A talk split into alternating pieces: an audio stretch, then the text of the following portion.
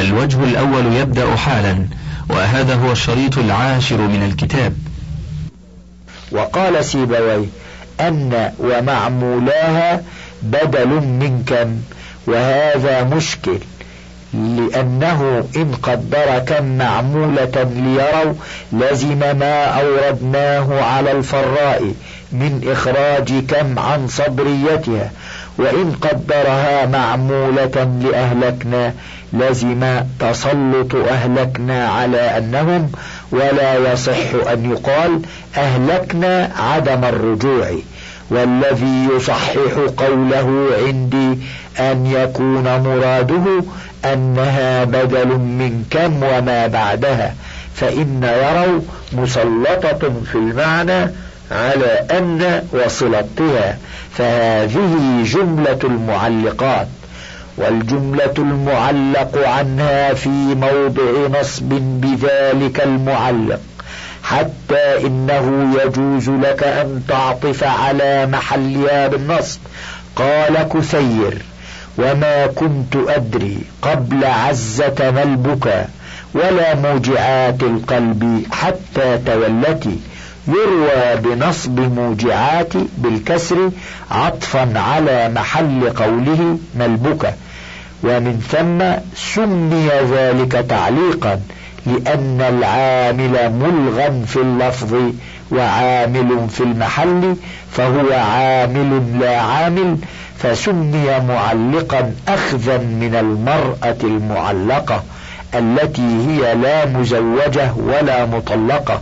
ولهذا قال ابن الخشاب لقد أجاد أهل هذه الصناعة في وضع هذا اللقب لهذا المعنى ولنشرح ما تقدم الوعد بشرحه من الأفعال التي تتعدى إلى مفعولين أولهما مصرح دائما أي مطلق من قيد حرف الجر والثاني تارة مصرح منه وتارة مقيد به وقد ذكرت منها في المقدمة عشرة أفعال. أحدها أمر قال الله تعالى أتأمرون الناس بالبر وتنسون أنفسكم؟ وقال الشاعر أمرتك الخير فافعل ما أمرت به. فقد تركتك ذا مال وذا نشب فجمع بين اللغتين. الثاني استغفر. قال الشاعر أستغفر الله من عمدي ومن خطئي ذنبي وكل امرئ لا شك مؤتزر. وقال الآخر أستغفر الله ذنبا لست محصيه. رب العباد إليه الوجه والعمل. الثالث اختار قال الله تعالى واختار موسى قومه سبعين رجلا. وقال الشاعر وقالوا نأت فاختر من الصبر والبكى فقلت البكى أشفى إذا لغليلي. أي اختر من الصبر والبكى أحدهما. الرابع كنا بتخفيف النون. تقول كنيته أبا عبد الله وبأبي عبد الله. ويقال أيضا كنوته قال هي الخمر لا شك تكنى الطلا كما الذئب يكنى أبا جعدتي وقال وكتمانها تكنى بأم فلان. الخامس سمى. تقول سميته زيدا وسميته بزيد. قال وسميته يحيى ليحيى فلم يكن لأمر قضاه الله في الناس من بد. السادس دعا بمعنى سمى. تقول دعوته بزيد وقال الشاعر دعتني أخاها أم عمرو ولم أكن أخاها ولم أرضع لها بلباني السابع صدق بتخفيف الدال. نحو ولقد صدقكم الله وعده. ثم صدقناهم الوعد. وتقول صدقته في الوعد. الثامن زوج. تقول زوجته هندا وبهند. قال الله تعالى زوجناكها. وقال وزوجناهم بحور عين. التاسع والعاشر كال ووزن. تقول كلت لزيد طعامه وكلت زيدا طعامه ووزنت لزيد ماله ووزنت زيدا ماله. قال الله تعالى وإذا كالوهم أو وزنوهم يخسرون. والمفعول الأول فيهما محذوف. السابع ما يتعدى إلى ثلاثة مفاعل وهو سبعة. أحدها أعلم المنقولة بالهمزة من علم المتعدية لاثنين تقول أعلمت زيدا عمرا فاضلا. الثاني أرى المنقولة بالهمزة من رأى المتعدية لاثنين نحو أريت زيدا عمرا فاضلا بمعنى أعلمته. قال الله تعالى كذلك يريهم الله أعمالهم حسرات عليهم. فالهاء والميم مفعول أول وأعمالهم مفعول ثاني وحسرات مفعول ثالث. والبواقي ما ضمن معنى أعلم ورأى المذكورتين من أنبأ ونبأ وأخبر وخبر وحدث. تقول أنبأت زيدا عمرا فاضلا بمعنى أعلمته وكذلك تفعل في البواقي. وإنما أصل هذه الخمسة أن تتعدى الاثنين إلى الأول بنفسها وإلى الثاني بالباء أو عن نحو أنبئهم بأسمائهم. فلما أنبأهم بأسمائهم نبئوني بعلم ونبئهم عن ضيف إبراهيم. وقد يحذف الحرف نحو من أنبأك هذا؟ ثم قلت ولا يجوز حذف مفعول في باب ظن ولا غير الأول في باب أعلم وأرى إلا لدليل. وبنو سليم يجيزون إجراء القول مجرى الظن وغيرهم يخصه بصيغة تقول بعد استفهام متصل أو منفصل بظرف أو معمول أو مجرور وأقول ذكرت في هذا الموضع مسألتين متممتين لهذا الباب إحداهما أنه يجوز حذف المفعولين أو أحدهما لدليل ويمتنع ذلك لغير دليل. مثال حذفهما لدليل قوله تعالى أين شركائي الذين كنتم تزعمون؟ أي تزعمونهم شركاء. كذا قدروا.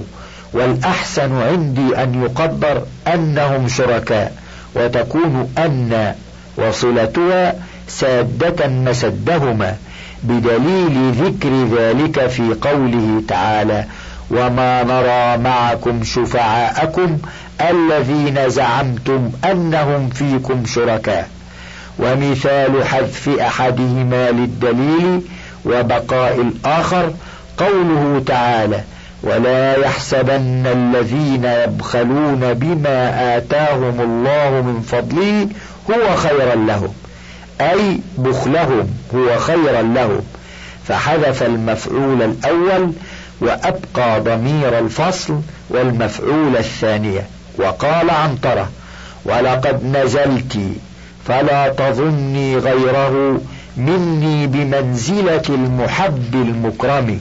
أي فلا تظني غيره واقعا أو كائنا. فحذف المفعول الثاني. ولا يجوز لك أن تقول علمت أو ظننت مقتصرا عليه من غير دليل على الأصح ولا أن تقول علمت زيدا ولا علمت قائما وتترك المفعول الأول في هذا المثال والمفعول الثاني في الذي قبله من غير دليل عليهما أجمعوا على ذلك.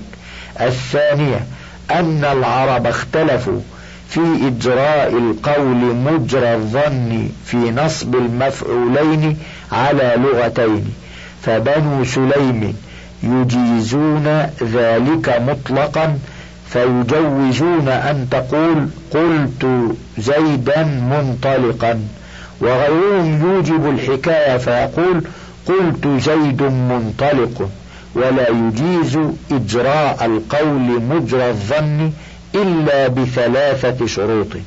أحدها أن تكون الصيغة تقول بتاء الخطاب. الثاني أن يكون مسبوقا باستفهام.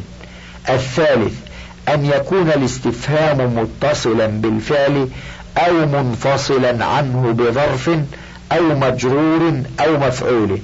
مثال المتصل قولك أتقول زيدا منطلقا؟ وقول الشاعر متى تقول القلص الرواسم يدنين أم قاسم وقاسمة؟ ومثال المنفصل بالظرف قول الشاعر أبعد بعد تقول الدار جامعة شملي بهم أم تقول البعد محتوما؟ ومثال المنفصل بالمجرور أفي الدار تقول زيدا جالسا ومثال المنفصل بالمفعول قول الشاعر أجهالا تقول بني لؤي لعمر أبيك أم متجاهلين؟ ولو فصلت بغير ذلك تعينت الحكاية. نحو أأنت تقول زيد منطلق؟ ثم قلت باب الأسماء التي تعمل عمل الفعل وهي عشرة.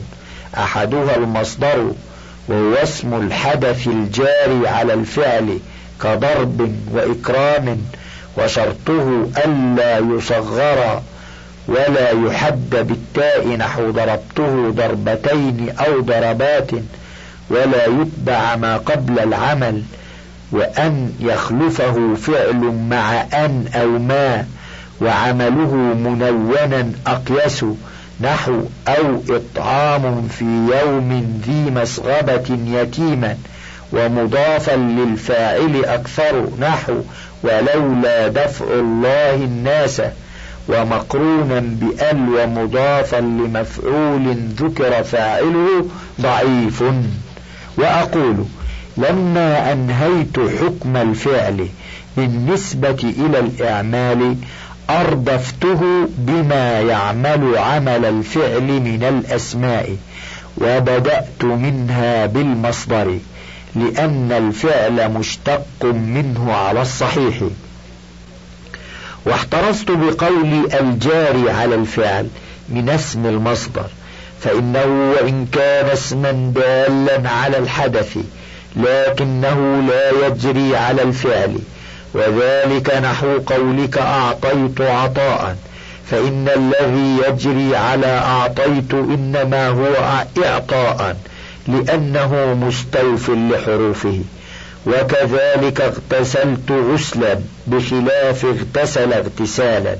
وسيأتي شرح اسم المصدر بعد. وأشرت بتمثيلي بضرب وإكرام إلى مثالي مصدر الثلاثي وغيره. ومثال ما يخلفه فعل مع أن.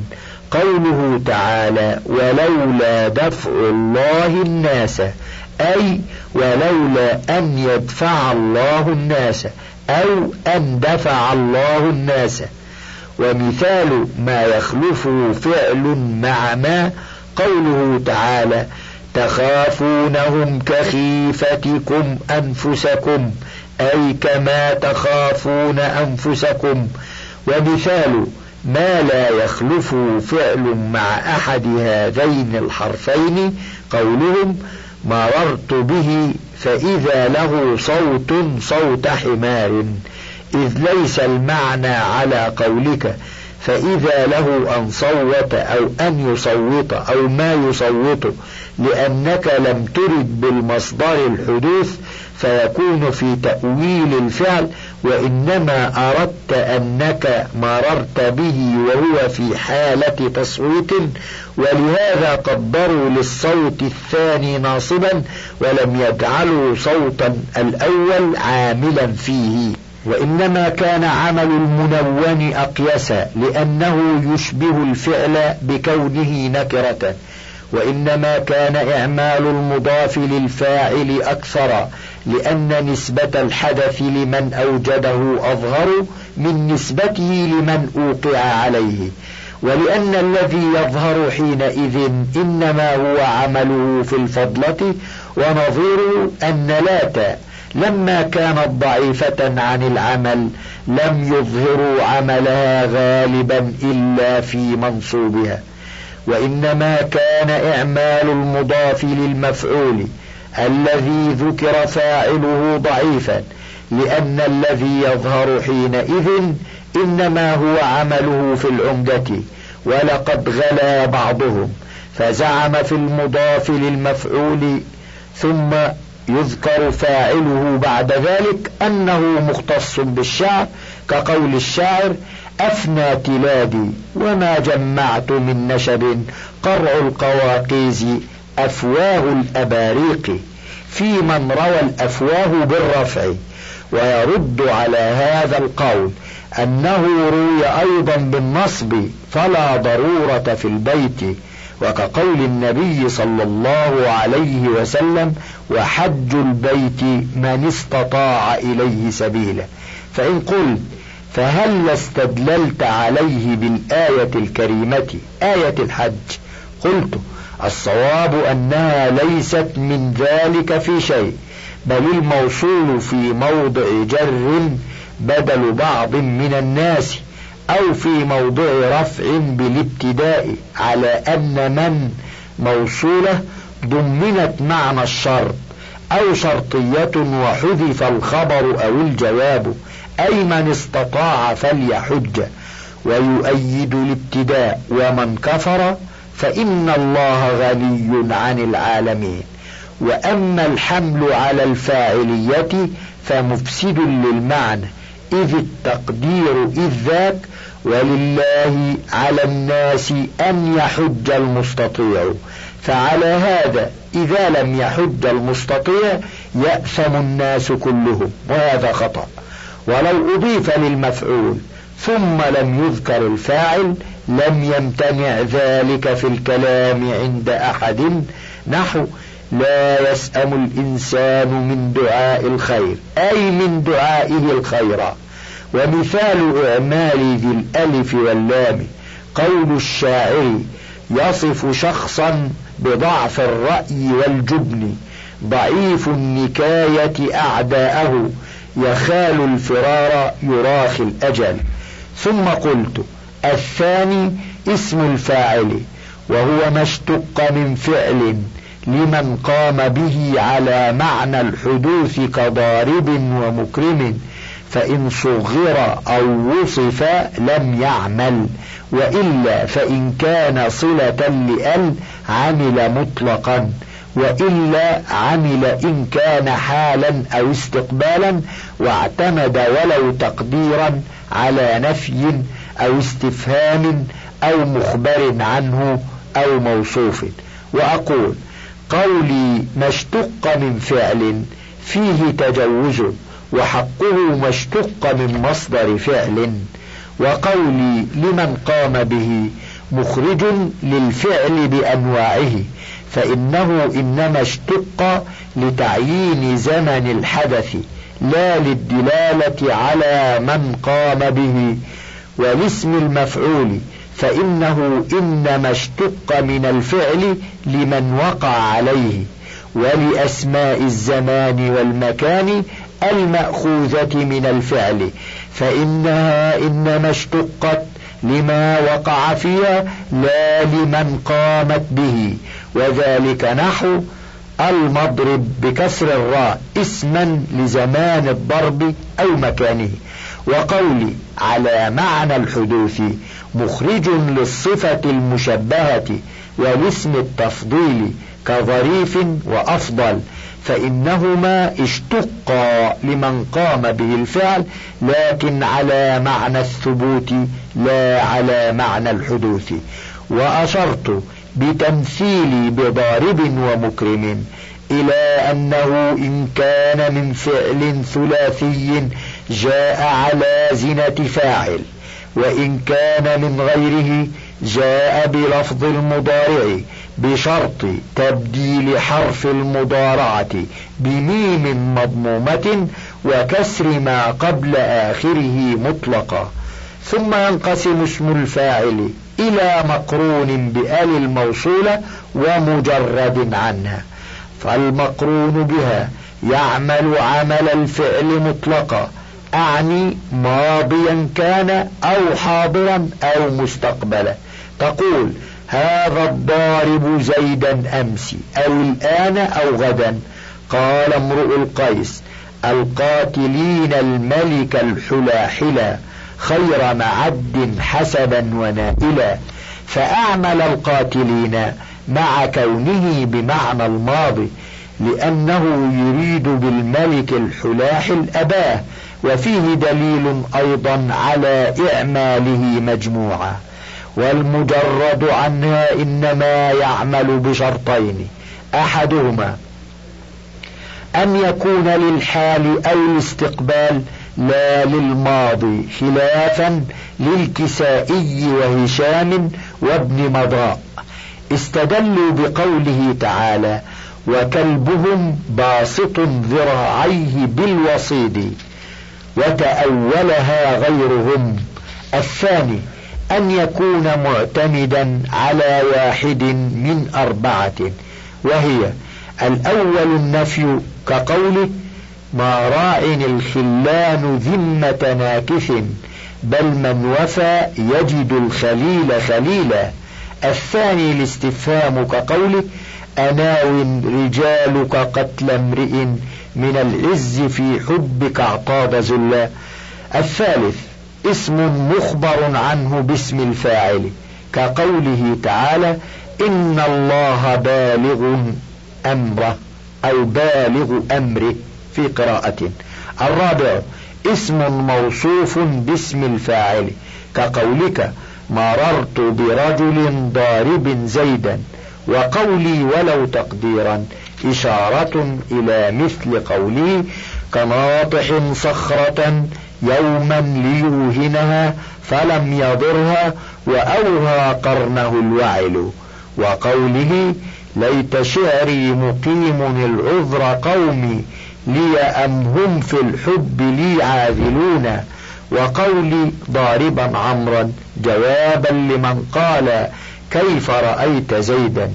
ألا ترى أن هذه عملت لاعتمادها على مقدر إذ الأصل كوعل ناطح وليت شعري أمقيم ورأيته ضاربا. ثم قلت الثالث المثال وهو ما حول للمبالغة من فاعل إلى فعال أو مفعال أو فعول بكثرة أو فعيل أو فاعل بقلة. وأقول الثالث من الأسماء العاملة عمل الفعل أمثلة المبالغة وهي عبارة عن الأوزان الخمسة المذكورة. محولة عن صيغة فاعل لقصد إفادة المبالغة والتكثير وحكمها حكم اسم الفاعل فتنقسم إلى ما يقع صلة لأل فتعمل مطلقا وإلى مجرد عنها فتعمل بالشرطين المذكورين. ومثال إعمال فعال قولهم أما العسل فأنا شراب وقول الشاعر أخا الحرب لباسا إليها جلالها وليس بولاج الخوالف أعقله. ومثال إعمال مفعال قولهم إنه لمنحار بوائكها أي سمانها. ومثال إعمال فعول قول أبي طالب ضروب بنصل السيف سوق سمانها وإعمال هذه الثلاثة كثير فلهذا اتفق عليه جميع البصريين. ومثال إعمال فعيل قول بعضهم إن الله سميع دعاء من دعاه.